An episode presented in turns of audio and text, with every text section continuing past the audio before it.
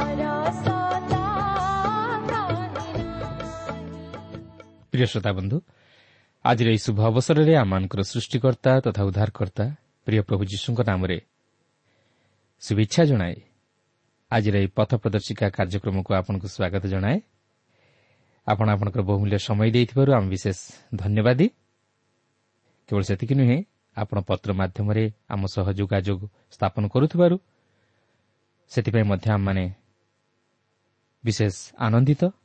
କେବଳ ସେତିକି ନୁହେଁ ତହିଁ ସଙ୍ଗେ ସଙ୍ଗେ ଆପଣଙ୍କର ପ୍ରାର୍ଥନାର ଅନୁରୋଧ ରକ୍ଷା କରି ଆମେ ଆପଣଙ୍କ ନିମନ୍ତେ ପ୍ରାର୍ଥନା କରୁଅଛୁ। ଆଉ ସେହି ପ୍ରଭୁ ଯୀଶୁ ନିଶ୍ଚିତ ଭାବରେ ଆପଣଙ୍କର ପ୍ରାର୍ଥନା ଶୁଣି ଉତ୍ତର ଦେବେ। ମାତ୍ର ସେ ଚାହାନ୍ତି ଆପଣ ଯେପରି ତାହାଙ୍କଠାରେ ବିଶ୍ୱାସରେ ସ୍ଥିର ରୁହନ୍ତୁ। ଆସନ୍ତୁ ତାହେଲେ ପ୍ରଭୁଙ୍କର ବାକ୍ୟ ମଧ୍ୟକୁ ଯିବା ପୂର୍ବରୁ ସଂକ୍ଷେପରେ ପ୍ରାର୍ଥନା କରିବା। ପବିତ୍ର ପ୍ରଭୁ ତୁମର ପବିତ୍ର ନାମର ଧନ୍ୟବାଦ କରୁଅଛି ସୁନ୍ଦର ସମୟ ପାଇଁ। ହଁ ପ୍ରଭୁ ତୁମେ ଆମମାନଙ୍କୁ ଉଦ୍ଧାର କରିବା ପାଇଁ ଚାହୁଁଥିବାରୁ ଆଜି ମଧ୍ୟ ତୁମେ ଆମମାନଙ୍କୁ ସୁଯୋଗ ଦେଇଛ। ତୁମର ବାକ୍ୟ ମଧ୍ୟ ଦେଇ ତୁମର ସ୍ୱର ଶୁଣିବା ପାଇଁ। ଆଜି ଅନେକ ଏହି ଜଗତରେ ଅଛନ୍ତି ଯେଉଁମାନେ କି ପ୍ରଭୁ ତୁମର ବାକ୍ୟ ଶୁଣିବାର ସୁଯୋଗ ପାଇନାହାନ୍ତି। ମାତ୍ର ପ୍ରଭୁ ତୁମେ ଆମମାନଙ୍କୁ ଟାଣି ଆଣିଛ ତୁମର ବାକ୍ୟ ଶୁଣିବା ପାଇଁ। ଯେହେତୁ ତୁମେ ଚାହୁଁ ନାହିଁ ଆମମାନେ ବିନଷ୍ଟ ହେଉ। ତେଣୁ ପବିତ୍ର ପ୍ରଭୁ ଏହି ସୁଯୋଗର ସଦ୍ବ୍ୟବହାର କରି ଯେପରି ଆମମାନେ ପ୍ରଭୁ ତୁମଠାରେ ବିଶ୍ୱାସ କରି ପାପରୁ ଉଦ୍ଧାରପ୍ରାପ୍ତ ହେଉ ଆଉ ତୁମର ବାକ୍ୟ ଅନୁଯାୟୀ ଯେପରି ଜୀବନଯାପନ କରିବାକୁ ପାରୁ ସେଥିପାଇଁ ପ୍ରଭୁ ତୁମେ ଆମମାନଙ୍କୁ ସାହାଯ୍ୟ କର ଶକ୍ତି ଦିଅ ଆଶୀର୍ବାଦ କର। ପ୍ରତ୍ୟେକ ଶ୍ରୋତାବନ୍ଧୁମାନଙ୍କୁ ପ୍ରଭୁ ତୁମର ଆଶୀର୍ବାଦ ଅନୁଗ୍ରହରେ ପରିପୂର୍ଣ୍ଣ କର। ପ୍ରତ୍ୟେକଙ୍କର ମନୋବାଞ୍ଛା ତୁମେ ପୂର୍ଣ୍ଣ କର। ପ୍ରତ୍ୟେକଙ୍କୁ ଆତ୍ମିକ ଜୀବନରେ ବର୍ଦ୍ଧିଷ୍ଣୁବା ନିମନ୍ତେ ପ୍ରଭୁ ତୁମେ ସାହାଯ୍ୟ କର। ଆଜି ତୁମର ବାକ୍ୟ ମଧ୍ୟ ଦେଇ ତୁମେ ଆମ ପ୍ରତ୍ୟେକଙ୍କ ସହିତ କଥା କୁହ। ତୁମର ପବିତ୍ର ଉପସ୍ଥିତି ଆମ ପ୍ରତ୍ୟେକଙ୍କୁ ଉପଲବ୍ଧି କରିବା ପାଇଁ ଦିଅ। ଏହି ସମସ୍ତ ପ୍ରାର୍ଥନା ଆମମାନଙ୍କର ଉଦ୍ଧାରକର୍ତ୍ତା ଜୀବିତ ପୁନରୁତ୍ଥିତ ପ୍ରିୟ ପ୍ରଭୁ ଯୀଶୁଙ୍କ ନାମରେ ଏହି ଅଳ୍ପ ଭିକ୍ଷା ମାଗୁଅଛୁ।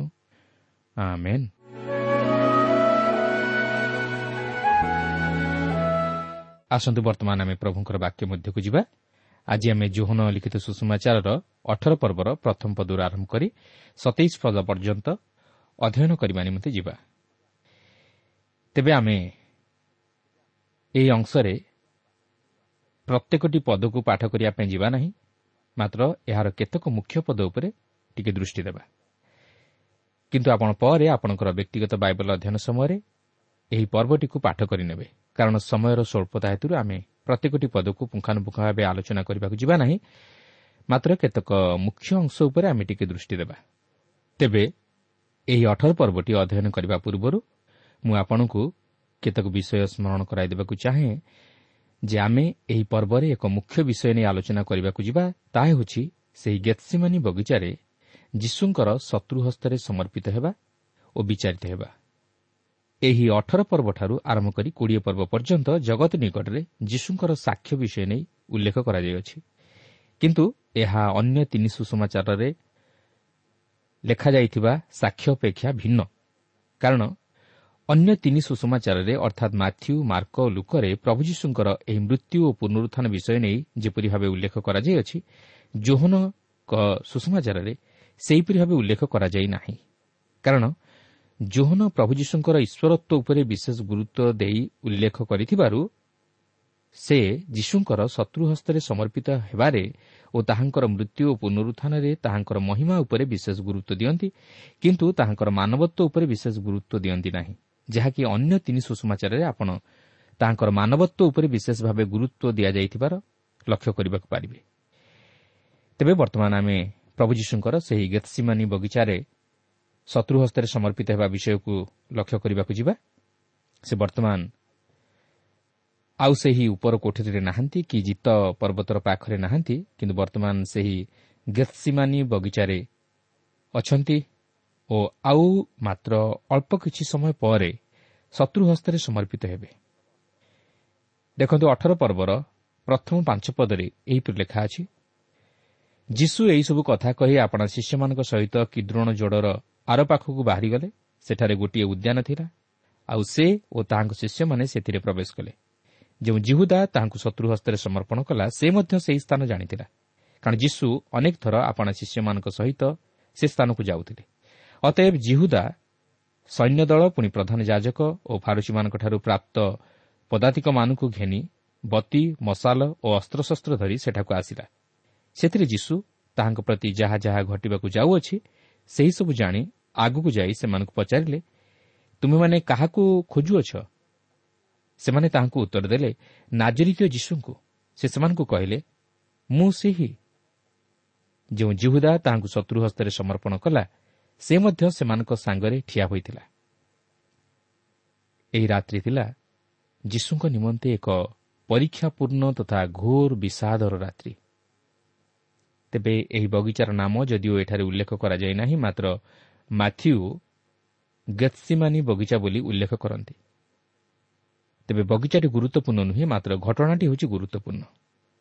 ଇସ୍କରିଓଥ୍ ଜିହୁଦା ଯୀଶୁଙ୍କୁ ଶତ୍ରୁହସ୍ତରେ ସମର୍ପଣ କରିବା ପାଇଁ ସଦଳବଳେ ଆଗେଇ ଆସିଛି। କିନ୍ତୁ ଆପଣ ଏଠାରେ ଏକ ଚମତ୍କାର ବିଷୟ ଲକ୍ଷ୍ୟ କରିବେ ଯେ ଯୀଶୁ ବର୍ତ୍ତମାନ ଆଉ ନିଜକୁ ଲୁଚାଇବାକୁ ଚାହୁଁନାହାନ୍ତି। ମାତ୍ର ଶତ୍ରୁମାନଙ୍କ ନିକଟରେ ମୁଁ ସେହି ବୋଲି ପରିଚୟ ଦେଉଛନ୍ତି କାରଣ ତାହାଙ୍କର ମହିମାନ୍ୱିତ ହେବାର ସମୟ ଆସି ଉପସ୍ଥିତ ହୋଇଯାଇଥିଲା। ସେମାନେ ଯୀଶୁଙ୍କୁ ଚିହ୍ନି ପାରୁନାହାନ୍ତି ମାତ୍ର ଯୀଶୁ ସେମାନଙ୍କ ନିକଟରେ ନିଜକୁ ମୁଁ ସେହି ବୋଲି ପରିଚିତ କରାଉଛନ୍ତି। ଆପଣ ଦେଖନ୍ତୁ ସେମାନେ ଯୀଶୁଙ୍କୁ ଧରିବା ପାଇଁ ପୂର୍ବରୁ ଚେଷ୍ଟା କରୁଥିଲେ ମାତ୍ର ଲୋକମାନଙ୍କର ଭୟ ହେତୁ ସେମାନେ ତାହାଙ୍କୁ ମନ୍ଦିରରେ କିମ୍ବା ରାସ୍ତାରେ ଧରି ନ ଥିଲେ। ମାତ୍ର ଏହି ବଗିଚା ମଧ୍ୟରେ ସେମାନେ ତାହାଙ୍କୁ ଧରିବା ପାଇଁ ଆସୁଅଛନ୍ତି। ଓ ତାହା ହେଉଛି ରାତ୍ରି ସମୟ। କାରଣ ଅନ୍ଧକାରର ବିଷୟ ସବୁ ଅନ୍ଧକାରରେ ହିଁ କରାଯାଏ। ଏଠାରେ ମଧ୍ୟ ଆପଣ ଲକ୍ଷ୍ୟ କରିବେ ଅନ୍ୟ ତିନି ସୁଷମାଚାର ପରି ଏହି ସୁଷମାଚାରରେ ସେହି ଉଦ୍ୟାନ ମଧ୍ୟରେ ଯୀଶୁ ଯେଉଁପରି ଭାବରେ ଆତ୍ମାରେ ବ୍ୟତୀତ ହେଉଥିଲେ ଓ ଦୁଃଖ ଅନୁଭବ କରୁଥିଲେ ତାହା ଜୋହନ ଉଲ୍ଲେଖ କରନ୍ତି ନାହିଁ। ମାତ୍ର ସେ ପ୍ରଭୁ ଯୀଶୁଙ୍କର ଈଶ୍ୱରତ୍ୱକୁ ଉପସ୍ଥାପିତ କରିବାକୁ ଯାଇ ତାଙ୍କର ମହିମାକୁ ପ୍ରକାଶ କରନ୍ତି। କିନ୍ତୁ ଅନ୍ୟ ତିନି ସୁଷମାଚାରରେ ଏହି ଘଟଣାରେ ଯୀଶୁଙ୍କର ମାନବତ୍ୱକୁ ଉପସ୍ଥାପିତ କରିବାକୁ ଯାଇ ତାହାଙ୍କର ଦୁଃଖ ଓ ବ୍ୟଥିତ ହେବା ବିଷୟକୁ ଉପସ୍ଥାପିତ କରାଯାଇଅଛି। ଆପଣ କିନ୍ତୁ ଏଠାରେ ଲକ୍ଷ୍ୟ କରିବେ ଯୀଶୁ ସେମାନଙ୍କ ଶତ୍ରୁମାନଙ୍କ ନିକଟରେ କୌଣସି ପ୍ରତିବାଦ କରୁନାହାନ୍ତି। ମାତ୍ର ବଧସ୍ଥାନକୁ ନିଆଯିବା ମେଷର ତୁଲ୍ୟ ସେ ନିରବ ରହୁଛନ୍ତି। ଯାହାକି ଜିସାୟ ତେପନ ପର୍ବର ସାତ ପଦରେ ପୂର୍ବରୁ ଯେଉଁ ଭାବବାଣୀ ହୋଇଥିଲା ତାହା ଏହି ପ୍ରକାର ସଫଳ ହେବାକୁ ଥିଲା। ଏଠାରେ ଆପଣ ଆଉ ଏକ ବିଷୟ ଲକ୍ଷ୍ୟ କରିବେ ସେମାନେ ଯୀଶୁଙ୍କୁ ଧରିବା ନିମନ୍ତେ ବତି ମଶାଲ ଓ ଅସ୍ତ୍ରଶସ୍ତ୍ର ଧରି ସେଠାକୁ ଆସିଥିଲେ। କାହିଁକି? କାରଣ ସେମାନେ ଯୀଶୁଙ୍କର ମହାନ ଶକ୍ତି ଓ ତାହାଙ୍କର ଆଶ୍ଚର୍ଯ୍ୟ କର୍ମର ପରିଚୟ ପାଇଥିଲେ। ତେଣୁକରି ସେମାନେ ତାହାଙ୍କୁ ଯେପରି ଆୟତାଧୀନ କରିପାରନ୍ତି ଏଥିନିମନ୍ତେ ସଦଳବଳେ ସମସ୍ତ ଅସ୍ତ୍ରଶସ୍ତ୍ର ସହିତ ଆସିଥିଲେ। କିନ୍ତୁ ଯୀଶୁ ଯେତେବେଳେ ସେମାନଙ୍କୁ ପଚାରୁଅଛନ୍ତି ତୁମମାନେ କାହାକୁ ଖୋଜୁଅଛ? ସେତେବେଳେ ସେମାନେ କହୁନାହାନ୍ତି ଖ୍ରୀଷ୍ଟଙ୍କୁ। ମାତ୍ର ନାଜରିତ ଯୀଶୁଙ୍କୁ ବୋଲି କହୁଛନ୍ତି। କାରଣ ସେମାନେ ଯୀଶୁଙ୍କୁ ବାସ୍ତବରେ ଗୌରବ ଦେବାକୁ ଚାହୁଁନଥିଲେ ଓ ସେମାନେ ତାହାଙ୍କୁ ଉଦ୍ଧାରକର୍ତ୍ତା ରୂପେ ବା ଈଶ୍ୱରଙ୍କ ପୁତ୍ର ରୂପେ ଗ୍ରହଣ କରିବାକୁ ଚାହିଁନଥିଲେ। ଏପରିକି ଇସ୍କରିୟଥ୍ ଜିହୁଦା ତାଙ୍କର ଶିଷ୍ୟ ହୋଇ ମଧ୍ୟ ତାହାଙ୍କୁ ଚିହ୍ନି ପାରିନଥିଲା। ଏପରିକି ଏହି ସମୟରେ ମଧ୍ୟ ଜିହୁଦା ଯୀଶୁଙ୍କୁ ଚିହ୍ନି ପାରିନଥିଲା କାରଣ ସେ ତାହା ନିକଟରେ ମହିମାର ସହିତ ଛିଡ଼ା ହୋଇଥିଲେ। ଆସନ୍ତୁ ଦେଖିବା ଏହାପରେ କ'ଣ ଘଟିଲା। ଛଅ ପଦରୁ ନଅ ପଦ ମଧ୍ୟରେ ଏହିପରି ଲେଖା ଅଛି ଯୀଶୁ ଯେତେବେଳେ ସେମାନଙ୍କୁ କହିଲେ ମୁଁ ସେହି। ସେତେବେଳେ ସେମାନେ ପଛକୁ ହଟିଯାଇ ଭୂମିରେ ପଡ଼ିଗଲେ। ସେଥିରେ ସେ ସେମାନଙ୍କୁ ଆଉଥରେ ପଚାରିଲେ ତୁମେମାନେ କାହାକୁ ଖୋଜୁଅଛ? ସେମାନେ କହିଲେ ନାଜରିତ ଯୀଶୁକୁ। ଯୀଶୁ ଉତ୍ତର ଦେଲେ ମୁଁ ଯେ ସେହି ଏହା ତ ମୁଁ ତୁମମାନଙ୍କୁ କହିଲି ଏଣୁ ଯଦି ତୁମେମାନେ ମୋତେ ଖୋଜୁଅଛ ତାହେଲେ ଏମାନଙ୍କୁ ଯିବା ପାଇଁ ଛାଡ଼ିଦିଅ ସେ ଏହା କହିଲେ ଯେପରି ତାହାଙ୍କ ଉକ୍ତ ଏହି ବାକ୍ୟ ସଫଳ ହୁଏ ତୁମେ ମୋତେ ଯେଉଁମାନଙ୍କୁ ଦେଇଅଛ ସେମାନଙ୍କ ମଧ୍ୟରୁ ମୁଁ ଜଣକୁ ସୁଦ୍ଧା ହରାଇ ନାହିଁ ଦେଖନ୍ତୁ ଏଠାରେ ପ୍ରଭୁ ଯୀଶୁଙ୍କର ଈଶ୍ୱରତ୍ୱର ପରିଚୟ ମିଳେ ସେମାନେ ତାହାଙ୍କୁ ଧରିବା ପାଇଁ ଆସିଛନ୍ତି। ସେମାନଙ୍କ ହାତରେ ବତି ମଶାଲ ଓ ଅସ୍ତ୍ରଶସ୍ତ୍ର ଅଛି। ସେମାନେ ଅନେକ ଅଛନ୍ତି। ମାତ୍ର ଯୀଶୁଙ୍କର ମହିମା ଆଗରେ ସେମାନେ ପଛକୁ ହଟିଯାଇ ଭୂମିରେ ପଡ଼ିଯାଉଛନ୍ତି। କାହିଁକି? କାରଣ ଈଶ୍ୱରଙ୍କ ପ୍ରତାପ ଆଗରେ କିଏ ଛିଡ଼ା ହୋଇପାରେ? ଆଉ ଏଥିରୁ ଆପଣ ଜାଣିପାରୁଥିବେ ଯେ ସେମାନେ ତାହାଙ୍କର ବିନାନୁମତିରେ ତାହାଙ୍କୁ ଧରିବା ନିମନ୍ତେ ସମର୍ଥ ହୋଇପାରିନଥିଲେ ସେମାନେ ଯଦିଓ ନାଜରିତୀୟ ଯୀଶୁଙ୍କୁ ଦେଖିଥିଲେ ମାତ୍ର ତାହାଙ୍କର ବାସ୍ତବ ମହିମାମୟ ରୂପକୁ ଓ ତାହାଙ୍କର ଈଶ୍ୱରତ୍ୱକୁ ଦେଖିପାରିନଥିଲେ। ତେଣୁକରି ସେମାନେ ଏହି ସମୟରେ ଯୀଶୁଙ୍କୁ ଚିହ୍ନି ପାରିଲେ ନାହିଁ। କାରଣ ସେମାନେ ଯୀଶୁଙ୍କର ବାସ୍ତବ ରୂପ ତଥା ମହିମାକୁ ଦେଖିନଥିଲେ। କାରଣ ସେମାନଙ୍କର ଅବିଶ୍ୱାସ ଓ ହୃଦୟର କଠିନତା ହେତୁ ସେମାନଙ୍କର ଆତ୍ମିକ ଚକ୍ଷୁ ଅନ୍ଧ ଥିଲା। ପ୍ରିୟ ବନ୍ଧୁ ଆପଣ ଖ୍ରୀଷ୍ଟଙ୍କୁ ଜାଣିବା ନିମନ୍ତେ ଆଗ୍ରହ ପ୍ରକାଶ କରିପାରନ୍ତି। ଆପଣ ଖ୍ରୀଷ୍ଟଙ୍କ ବିଷୟରେ ଅଧିକ କିଛି ଜାଣିପାରନ୍ତି। ମାତ୍ର ଯେପର୍ଯ୍ୟନ୍ତ ଆପଣ ଖ୍ରୀଷ୍ଟଙ୍କଠାରେ ବିଶ୍ୱାସ କରି ତାହାଙ୍କୁ ନିଜ ହୃଦୟରେ ଉଦ୍ଧାରକର୍ତ୍ତା ରୂପେ ଗ୍ରହଣ କରିପାରି ନାହାନ୍ତି ସେ ପର୍ଯ୍ୟନ୍ତ ଆପଣ ତାହାଙ୍କର ବାସ୍ତବ ପରିଚୟ ପାଇପାରିବେ ନାହିଁ। ତେଣୁ ଆପଣଙ୍କର ଖୋଜିବା ଆଜି ବାସ୍ତବ ଖୋଜିବାରେ ପରିଣତ ହେଉ। ମାତ୍ର ଯୀଶୁଙ୍କର ଶତ୍ରୁମାନଙ୍କ ପରି ନ ହେଉ। ମାତ୍ର ତାହାଙ୍କର ଶିଷ୍ୟମାନଙ୍କ ପରି ହେଉ। ଯାହାକି ଜୋହନ ପ୍ରଥମ ପର୍ବର ଚଉଦ ପଦରେ ଲେଖା ଅଛି ଆଉ ସେହି ବାକ୍ୟ ଦେହବନ୍ତ ହେଲେ ପୁଣି ଅନୁଗ୍ରହ ଓ ସତ୍ୟରେ ପରିପୂର୍ଣ୍ଣ ହୋଇ ଆମ୍ଭମାନଙ୍କ ମଧ୍ୟରେ ବାସ କଲେ। ଆଉ ପିତାଙ୍କଠାରୁ ଆଗତ ଅଦ୍ୱିତୀୟ ପୁତ୍ରଙ୍କ ମହିମା ସଦୃଶ ଆମ୍ଭେମାନେ ତାହାଙ୍କ ମହିମା ଦେଖିଲୁ। କିନ୍ତୁ ଏହି ଅଠର ପର୍ବର ନଅ ପଦରେ ଆପଣ ଗୋଟିଏ ବିଷୟ ଲକ୍ଷ୍ୟ କରିବେ ଯେ ଯୀଶୁ କହନ୍ତି ତାହେଲେ ଏମାନଙ୍କୁ ଯିବା ପାଇଁ ଛାଡ଼ିଦିଅ। ତେବେ ସେମାନେ କିଏ? ସେମାନେ ହେଲେ ତାହାଙ୍କର ଶିଷ୍ୟମାନେ। କାରଣ ତାହାଙ୍କର ଉକ୍ତ ବାକ୍ୟ ଯେପରି ସଫଳ ହୁଏ ଯେ ତୁମେ ମୋତେ ଯେଉଁମାନଙ୍କୁ ଦେଇଅଛ ସେମାନଙ୍କ ମଧ୍ୟରେ ମୁଁ ଜଣକୁ ସୁଦ୍ଧା ହରାଏ ନାହିଁ। କ'ଣ? ଏହା ବାସ୍ତବରେ ଆଶ୍ଚର୍ଯ୍ୟର ବିଷୟ ନୁହେଁ କିନ୍ତୁ ଏହି ଘଟଣା ଘଟିବା ପରେ ପରେ ପିତର ଖାପରୁ ଖଣ୍ଡା ବାହାର କରି ମହାଯାଜକଙ୍କ ଦାସକୁ ଆଘାତ କଲେ ଓ ତାହାର ଡାହାଣ କାନ କାଟି ପକାଇଲେ। ଆଉ ସେହି ଦାସର ନାମ ଥିଲା ମାଲକ। କିନ୍ତୁ ଆପଣ ଦେଖିବେ ସେମାନେ ପିତରଙ୍କୁ ଧରୁନାହାନ୍ତି। କାହିଁକି? କାରଣ ଯୀଶୁ କହିଥିଲେ ଏମାନଙ୍କୁ ଯିବା ପାଇଁ ଛାଡ଼ିଦିଅ। ମାତ୍ର ଏଠାରେ ଆମେ ପିତରଙ୍କର ଦୁର୍ବଳତା ଦେଖୁଅଛୁ। କାରଣ ସେ ଯେ ଯୀଶୁଙ୍କ ନିମନ୍ତେ ମରିବାକୁ ସୁଦ୍ଧା ପ୍ରସ୍ତୁତ ଅଛନ୍ତି ଏହା ଦେଖାଇ ହେବା ନିମନ୍ତେ ସେ ଏହିପରି କରିଥିଲେ। କିନ୍ତୁ ବାସ୍ତବରେ ସେ କ'ଣ କରିବାକୁ ଯାଉଥିଲେ ତାହା ଯୀଶୁ ଭଲ ଭାବେ ଜାଣିଥିଲେ। ଓ ସେ ଏଥିପୂର୍ବରୁ ମଧ୍ୟ ତାହାଙ୍କୁ କହିସାରିଛନ୍ତି ଯେ ପିତର ତୁମେ ମୋତେ ଆଜି ରାତିରେ କୁକୁଡ଼ା ଡାକିବା ପୂର୍ବରୁ ତିନିଥର ଅସ୍ୱୀକାର କରିବ। କିନ୍ତୁ ପିତର ଏଠାରେ ନିଜକୁ ଅତି ବିଶ୍ୱସ୍ତ ବୋଲି ପ୍ରମାଣିତ କରିବାକୁ ଯାଇ ସେହି ଦାସର କାନକୁ କାଟି ପକାଇଲେ ଯାହାକି ଯୀଶୁ ଚାହିଁ ନଥିଲେ। ତେଣୁକରି ଏଗାର ପଦରେ ସେ ପିତରଙ୍କୁ କହନ୍ତି। ସେଥିରେ ଯୀଶୁ ପିତରଙ୍କୁ କହିଲେ ଖଣ୍ଡା ଖାପରେ ରଖ। ପିତା ମୋତେ ଯେଉଁ ପାତ୍ର ଦେଇଅଛନ୍ତି ମୁଁ କ'ଣ ସେଥିରୁ ପାନ କରିବି ନାହିଁ? ଦେଖନ୍ତୁ ଯୀଶୁ କିପରି ଭାବେ ସେହି ବିଚାରର ପାନପାତ୍ରକୁ ବା ସେହି ଦୁଃଖରୂପ ପିଆଲାକୁ ପିଇବା ନିମନ୍ତେ ସ୍ୱତ ପ୍ରବୃତ୍ତ ଭାବେ ଆଗେଇ ଯାଉଛନ୍ତି। ଯେଉଁ ପାନପାତ୍ର କି ଆପଣଙ୍କ ପାପର ଓ ମୋର ପାପର ପାନପାତ୍ର ଥିଲା ଯାହାକୁ ସେ ସେହି କୃଷରେ ହତ କରିବାକୁ ଯାଉଥିଲେ। ସେ ସେହି ଦୁଃଖରୂପ ପିଆଲାକୁ ପାନ କରିବା ପାଇଁ କୁଣ୍ଠାବୋଧ କରିନଥିଲେ ମାତ୍ର ସ୍ୱଇଚ୍ଛାରେ ତାହା ଗ୍ରହଣ କରିନେଇଥିଲେ। ଏହା ହିଁ ସେହି ବିଚାରର ପାନପାତ୍ର ଥିଲା ଯାହାକି ସେ ଆପଣଙ୍କ ନିମନ୍ତେ ଓ ମୋ ନିମନ୍ତେ ସେହି କୃଷରେ ତାହା ବହନ କଲେ ଯେପରି ଆପଣ ଓ ମୁଁ ଈଶ୍ୱରଙ୍କ ବିଚାରରୁ ଉଦ୍ଧାର ପାଉ। ଆଉ ସେ ସେହି ଦୁଃଖରୂପ ପାନପାତ୍ରକୁ ଆନନ୍ଦର ସହିତ ଗ୍ରହଣ କଲେ ଯାହାକି ଏବ୍ରି ବାର ପର୍ବର ଦୁଇ ପଦରେ ଲେଖା ଅଛି।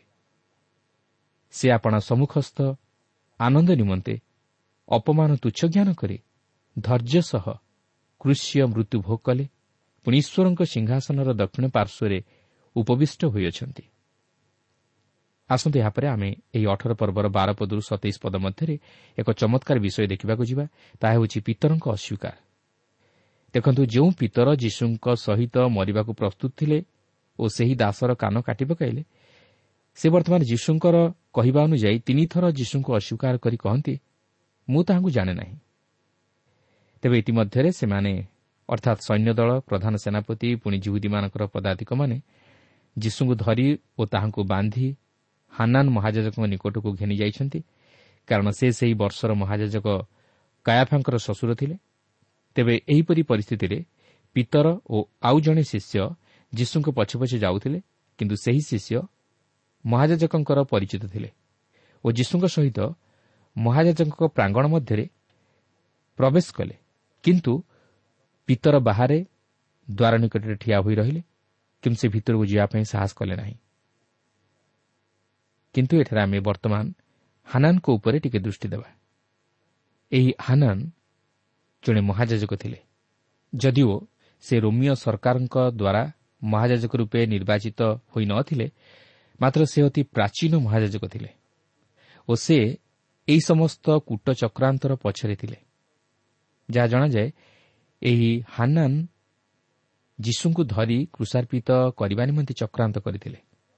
ଯଦିଓ କାୟାଫା ସେହି ବର୍ଷର ମହାଯାଜକ ଥିଲେ ମାତ୍ର ଏହି ହାନାନ ଏକ କୂଟ ଚକ୍ରାନ୍ତକାରୀ ଥିଲେ। ତେଣୁକରି ସେମାନେ ଯୀଶୁଙ୍କୁ ଧରି ପ୍ରଥମେ ହାନାନ ମହାଯାଜକଙ୍କ ନିକଟକୁ ଘେନି ଯାଉଛନ୍ତି। ତେବେ ଇତିମଧ୍ୟରେ ଆମେ ଟିକେ ପିତରଙ୍କ ଆଡ଼କୁ ଦୃଷ୍ଟି ଦେବା। ଦେଖନ୍ତୁ ପିତର କିପରି କରଛଡ଼ା ଦେଇ ରହୁଛନ୍ତି ଓ ଯୀଶୁଙ୍କୁ ଜାଣନ୍ତି ନାହିଁ ବୋଲି ଅସ୍ୱୀକାର କରୁଅଛନ୍ତି। ଦେଖନ୍ତୁ ଷୋହଳରୁ ଅଠର ପଦ ମଧ୍ୟରେ ଲେଖା ଅଛି। କିନ୍ତୁ ପିତର ବାହାରେ ଦ୍ୱାର ନିକଟରେ ଠିଆ ହୋଇ ରହିଲେ। ଅତଏବ ସେହି ଯେଉଁ ଅନ୍ୟ ଶିଷ୍ୟ ମହାଯାଜକଙ୍କ ପରିଚିତ ଥିଲେ ସେ ବାହାରକୁ ଯାଇ ଦ୍ୱାର ରକ୍ଷିକାକୁ କହି ପିତରଙ୍କୁ ଭିତରକୁ ଆଣିଲେ। ସେଥିରେ ସେହି ଦ୍ୱାର ରକ୍ଷିକା ଦାସୀ ପିତରଙ୍କୁ କହିଲା ତୁମ୍ଭେ ମଧ୍ୟ କ'ଣ ଏହି ଲୋକର ଶିଷ୍ୟମାନଙ୍କ ମଧ୍ୟରୁ ଜଣେ ନୁହଁ? ସେ କହିଲେ ମୁଁ ନୁହେଁ। ଶୀତ ହେତୁ ଦାସ ଓ ପଦାତିକମାନେ ଅଙ୍ଗାର ଜାଳି ସେଠାରେ ଠିଆ ହୋଇ ନିଆଁ ପୋଉଥିଲେ। ପିତର ମଧ୍ୟ ସେମାନଙ୍କ ସାଙ୍ଗରେ ଠିଆ ହୋଇ ନିଆଁ ପୋଉଥିଲେ। ଦେଖନ୍ତୁ ପିତରଙ୍କ ଅବସ୍ଥା। ସେ ପ୍ରଭୁ ଯୀଶୁଙ୍କ ସହିତ ଯାଇପାରୁନାହାନ୍ତି ମାତ୍ର ଦୂରେଇ ରହୁଛନ୍ତି ତାଙ୍କ ନିମନ୍ତେ ମରିବା ତ ଦୂରର କଥା ମାତ୍ର ତାହାଙ୍କ ପଛେ ପଛେ ମଧ୍ୟ ଯାଇପାରୁନାହାନ୍ତି। କାରଣ ମନରେ ତାଙ୍କର ପ୍ରବଳ ଭୟ। କେବଳ ସେତିକି ନୁହେଁ ସେ ଏତେ ଦୂର ଭୟ ପାଇଯାଇଛନ୍ତି ଯେ ଜଣେ ଦାସୀ ଅର୍ଥାତ୍ ସ୍ତ୍ରୀ ଲୋକ ଆଗରେ ଯୀଶୁଙ୍କୁ ଅସ୍ୱୀକାର କରୁଅଛନ୍ତି। ଅବଶ୍ୟ ଆପଣ ଏହା ଶୁଣି ହସିପାରନ୍ତି। ମାତ୍ର ଏହା ହିଁ ସେଦିନ ଥିଲା ପିତରଙ୍କ ଜୀବନର ଦୁର୍ବଳତା। ଆଜି କ'ଣ ଆମ ଜୀବନରେ ସେହିପରି ଦୁର୍ବଳତା ଦେଖାଯାଉ ନାହିଁ କି? ଆମେ ଖ୍ରୀଷ୍ଟଙ୍କୁ ନିଜର ସ୍ୱାର୍ଥ ନିମନ୍ତେ ଅସ୍ୱୀକାର କରିଦେଉ। କାଳେ ସମାଜ ଆମକୁ କ'ଣ କହିବ? ବା ଆମର ପରିବାରର ଲୋକେ ଆମକୁ କ'ଣ କହିବେ? ବା ଆମର ବନ୍ଧୁମାନେ ଆମକୁ କ'ଣ କହିବେ? ଏହାକୁ ଚିନ୍ତା କରି ଆମେ ଯୀଶୁଖ୍ରୀଷ୍ଟଙ୍କୁ ଉଦ୍ଧାରକର୍ତ୍ତା ରୂପେ ସ୍ୱୀକାର କରିବା ପାଇଁ ପଛଘୁଞ୍ଚା ଦେଉ। ତେବେ ଦେଖନ୍ତୁ ଇତିମଧ୍ୟରେ ସେହି ହାନନ ମହାଜାଜକ ଯୀଶୁଙ୍କୁ ତାହାଙ୍କ ଶିଷ୍ୟମାନଙ୍କ ବିଷୟରେ ଓ ତାହାଙ୍କର ଶିକ୍ଷା ସମ୍ବନ୍ଧରେ ପଚାରିଛନ୍ତି ଓ ଯୀଶୁ ତାହାଙ୍କୁ ସ୍ପଷ୍ଟ ଜଣାଇ ଦିଅନ୍ତି ଯେ ସେ ଗୋପନରେ କିଛି କରିନାହାନ୍ତି କି ଶିକ୍ଷା ଦେଇନାହାନ୍ତି ମାତ୍ର ସେ ଯାହା ଯାହା କହିଛନ୍ତି ବା ଶିକ୍ଷା ଦେଇଛନ୍ତି ତାହା ପ୍ରକାଶ୍ୟରେ କରିଛନ୍ତି। ଆଉ ସେ ସେହି ମହାଯାଜକଙ୍କୁ କହନ୍ତି ଯେଉଁମାନେ ଶୁଣିଅଛନ୍ତି ସେମାନଙ୍କୁ ପଚାରନ୍ତୁ। କାରଣ ଯୀଶୁ ଗୋପନରେ କିଛି କରିନଥିଲେ କି ଶିକ୍ଷା ଦେଇନଥିଲେ। ମାତ୍ର ସେ ସମସ୍ତଙ୍କ ସମ୍ମୁଖରେ ପ୍ରକାଶ୍ୟରେ ସବୁ କରିଥିଲେ ଓ ଶିକ୍ଷା ଦେଇଥିଲେ। କିନ୍ତୁ ହାନାନ ତାଙ୍କର କୌଣସି ଦୋଷ ବାହାର କରି ନ ପାରିବାରୁ ତାହାଙ୍କୁ ବନ୍ଧା ହୋଇଥିବା ଅବସ୍ଥାରେ ମହାଯାଜକ କାୟାଫାଙ୍କ ନିକଟକୁ ପଠାଇଦେଲେ। ପ୍ରକୃତରେ ସେ ନିର୍ଦ୍ଦୋଷୀ ଥିଲେ କିନ୍ତୁ ସେମାନେ ତାହାଙ୍କୁ ଚକ୍ରାନ୍ତ କରି କୃଷରେ ଚଢ଼ାଇବା ନିମନ୍ତେ ଯୋଜନା କରୁଅଛନ୍ତି। କିନ୍ତୁ ତାହା ସେମାନଙ୍କର ଯୋଜନା ଅନୁଯାୟୀ କାର୍ଯ୍ୟକାରୀ ହେବାକୁ ଯାଉନାହିଁ ମାତ୍ର ଈଶ୍ୱରଙ୍କର ଯୋଜନା ଅନୁଯାୟୀ କାର୍ଯ୍ୟକାରୀ ହେବାକୁ ଯାଉଅଛି। ତେବେ ଇତିମଧ୍ୟରେ ପିତରଙ୍କର ଅବସ୍ଥା ପ୍ରତି ଆସନ୍ତୁ ଟିକେ ଲକ୍ଷ୍ୟ ଦେବା। ପଚିଶ ପଦରୁ ସତେଇଶ ପଦ ମଧ୍ୟରେ ଲେଖା ଅଛି ଇତିମଧ୍ୟରେ ସିମନ ପିତର ଠିଆ ହୋଇ ନିଆଁ ପହୁଥିଲେ ସେଥିରେ ସେମାନେ ତାହାଙ୍କୁ ପଚାରିଲେ ତୁମେ ମଧ୍ୟ କ'ଣ ତାହାଙ୍କ ଶିଷ୍ୟମାନଙ୍କ ମଧ୍ୟରୁ ଜଣେ ନୁହଁ ସେ ଅସ୍ୱୀକାର କରି କହିଲେ ମୁଁ ନୁହେଁ। ମହାଜାଜକଙ୍କ ଦାସମାନଙ୍କ ମଧ୍ୟରୁ ଜଣେ ଅର୍ଥାତ୍ ପିତର ଯାହାର କାନ କାଟି ପକାଇଥିଲେ ତାହାର ଜଣେ ଆତ୍ମୀୟ କହିଲା ମୁଁ କ'ଣ ତୋତେ ତାହାଙ୍କ ସାଙ୍ଗରେ ବଗିଚାରେ ଦେଖିନଥିଲି? ସେଥିରେ ପିତର ପୁନର୍ବାର ଅସ୍ୱୀକାର କଲେ। ଆଉ ସେହି କ୍ଷଣି କୁକୁଡ଼ା ଡାକିଲା ଦେଖନ୍ତୁ ପିତରଙ୍କର ଅବସ୍ଥା। ସେ ଥରେ ନୁହେଁ ମାତ୍ର ତିନି ଥର ଯୀଶୁଙ୍କୁ ଅସ୍ୱୀକାର କରି କହନ୍ତି ମୁଁ ନୁହେଁ। ମୁଁ ଯୀଶୁଙ୍କୁ ଜାଣେ ନାହିଁ। ଅର୍ଥାତ୍ ସେ ଯୀଶୁଙ୍କୁ ଜାଣନ୍ତି ନାହିଁ ବୋଲି ଅସ୍ୱୀକାର କରନ୍ତି। ବାସ୍ତବରେ ଏହା ବଡ଼ ଦୁଃଖର ବିଷୟ। ଯେଉଁ ପିତର ଯୀଶୁଙ୍କ ନିମନ୍ତେ ନିଜର ପ୍ରାଣ ଦେବା ପାଇଁ ପ୍ରସ୍ତୁତ ଥିଲେ ସେ ପୁଣି ତାହାଙ୍କୁ ଅସ୍ୱୀକାର କରୁଅଛନ୍ତି। ଏହା ହିଁ ମନୁଷ୍ୟର ଦୁର୍ବଳତା। ପ୍ରିୟ ବନ୍ଧୁ ଆପଣଙ୍କ ଜୀବନରେ ଏହିପରି ଘଟୁନାହିଁ ତ? ଆପଣ ଯୀଶୁଙ୍କୁ ଉଦ୍ଧାରକର୍ତ୍ତା ରୂପେ ସ୍ୱୀକାର କରି ସମାଜର କିମ୍ବା ପରିବାରର ଚାପ ହେତୁ ତାହାଙ୍କୁ ଅସ୍ୱୀକାର କରୁନାହାନ୍ତି ତ? ଆପଣ ନିଜର କାର୍ଯ୍ୟ ଦ୍ୱାରା ବା ସ୍ୱଭାବ ଦ୍ୱାରା ତାହାଙ୍କୁ ଅସ୍ୱୀକାର କରୁନାହାନ୍ତି ତ? କିନ୍ତୁ ମନେ ରଖନ୍ତୁ ସେ ଆପଣଙ୍କୁ ପ୍ରେମ କରନ୍ତି ଓ ଆପଣଙ୍କ ନିମନ୍ତେ ନିଜର ପ୍ରାଣ ଦେଇଛନ୍ତି। ସେ ଚାହାନ୍ତି ଆପଣଙ୍କର ସ୍ୱୀକାରୋକ୍ତି ସେଦିନ ଯଦିଓ ପିତର ତାଙ୍କୁ ତିନିଥର ଅସ୍ୱୀକାର କରିଥିଲେ ମାତ୍ର ପ୍ରଭୁ ଯୀଶୁ ମୃତ୍ୟୁରୁ ପୁନରୁତ୍ଥିତ ହେବା ପରେ ପିତରଙ୍କଠାରୁ ସେହିପରି ତିନିଥର ସ୍ୱୀକାରୋକ୍ତି ଚାହିଁଥିଲେ ଓ ପିତର ଯୀଶୁଙ୍କୁ ତହିଁର ପ୍ରତ୍ୟୁତ୍ତର ଦେଇଥିଲେ। ହଁ ମନୁଷ୍ୟ ଜୀବନରେ ଦୁର୍ବଳତା ଆସିପାରେ ମାତ୍ର ପ୍ରଭୁ ଯୀଶୁ ଆପଣଙ୍କଠାରୁ ପୁଣି ଥରେ ସେହି ସ୍ୱୀକାରୋକ୍ତି ଚାହାନ୍ତି। କ'ଣ? ଆପଣ ଯୀଶୁଙ୍କୁ ଈଶ୍ୱରଙ୍କ ପୁତ୍ର ଖ୍ରୀଷ୍ଟ ରୂପେ ସ୍ୱୀକାର କରିବେ ନାହିଁ କି? ଆଜି ତାହା କରନ୍ତୁ ଓ ପ୍ରଭୁ ଯୀଶୁଙ୍କର ସେହି କୃଷି ମୃତ୍ୟୁର ବାସ୍ତବ ଅଭିମତକୁ ସଫଳ କରନ୍ତୁ। ତାହେଲେ ଆପଣ ପ୍ରଭୁଙ୍କର ଆଶୀର୍ବାଦ ଓ ଅନୁଗ୍ରହର ଅଧିକାରୀ ହୋଇପାରିବେ। ସେ ଆପଣଙ୍କ ସଙ୍ଗେ ସଙ୍ଗେ ଥାଇ ସମସ୍ତ ବିଷୟରେ ଆପଣଙ୍କୁ ସୁରକ୍ଷା ପ୍ରଦାନ କରିବେ। ସେ ଆପଣଙ୍କୁ ପାପରୁ ଉଦ୍ଧାର କରି ଜୀବନରେ ଶାନ୍ତି ଦେବେ ପରିତ୍ରାଣର ଅଧିକାରୀ କରାଇବେ। ସେ ଆପଣଙ୍କର ସମସ୍ତ ଭାର ବହନ କରିବେ। ସେ ଆପଣଙ୍କର ଦୁଃଖ ଦୂର କରିବେ। ତେଣୁ ପ୍ରିୟ ବନ୍ଧୁ ପ୍ରଭୁ ଯୀଶୁଙ୍କୁ ପ୍ରଭୁ ଓ ଉଦ୍ଧାରକର୍ତ୍ତା ରୂପେ ସ୍ୱୀକାର କରି ତାହାଙ୍କୁ ନିଜ ହୃଦୟରେ ସ୍ଥାନ ଦିଅନ୍ତୁ। ତାହେଲେ ଦେଖିବେ ଆପଣ ଆପଣଙ୍କ ଜୀବନରେ କେତେ ଶାନ୍ତି ଆନନ୍ଦ ପାଇପାରିବେ ଓ କେତେ ଭରସା ପାଇପାରିବେ। ଓ ସେ ଆପଣଙ୍କର ସଙ୍ଗେ ସଙ୍ଗେ ଥାଇ ଆପଣଙ୍କୁ ସୁରକ୍ଷା ଦେବା ସଙ୍ଗେ ସଙ୍ଗେ। ଆପଣଙ୍କୁ ତାହାଙ୍କର ସେହି ଅନନ୍ତ ଜୀବନର ପଥରେ କଢ଼ାଇ ନେବେ। କାରଣ ସେ ପ୍ରତ୍ୟେକ ମନୁଷ୍ୟକୁ ପ୍ରେମ କରନ୍ତି। ଆଉ ସେ ଚାହାନ୍ତି ଆମେ ଯେପରି ତାହାଙ୍କୁ ସ୍ୱୀକାର କରୁ ଉଦ୍ଧାରକର୍ତ୍ତା ରୂପେ ସ୍ୱୀକାର କରୁ ପ୍ରଭୁ ବୋଲି ସ୍ୱୀକାର କରୁ। ପ୍ରଭୁ ପ୍ରତ୍ୟେକଙ୍କୁ ଏହି ସଂକ୍ଷିପ୍ତ ଆଲୋଚନା ମଧ୍ୟ ଦେଇ ଆଶୀର୍ବାଦ କରନ୍ତୁ।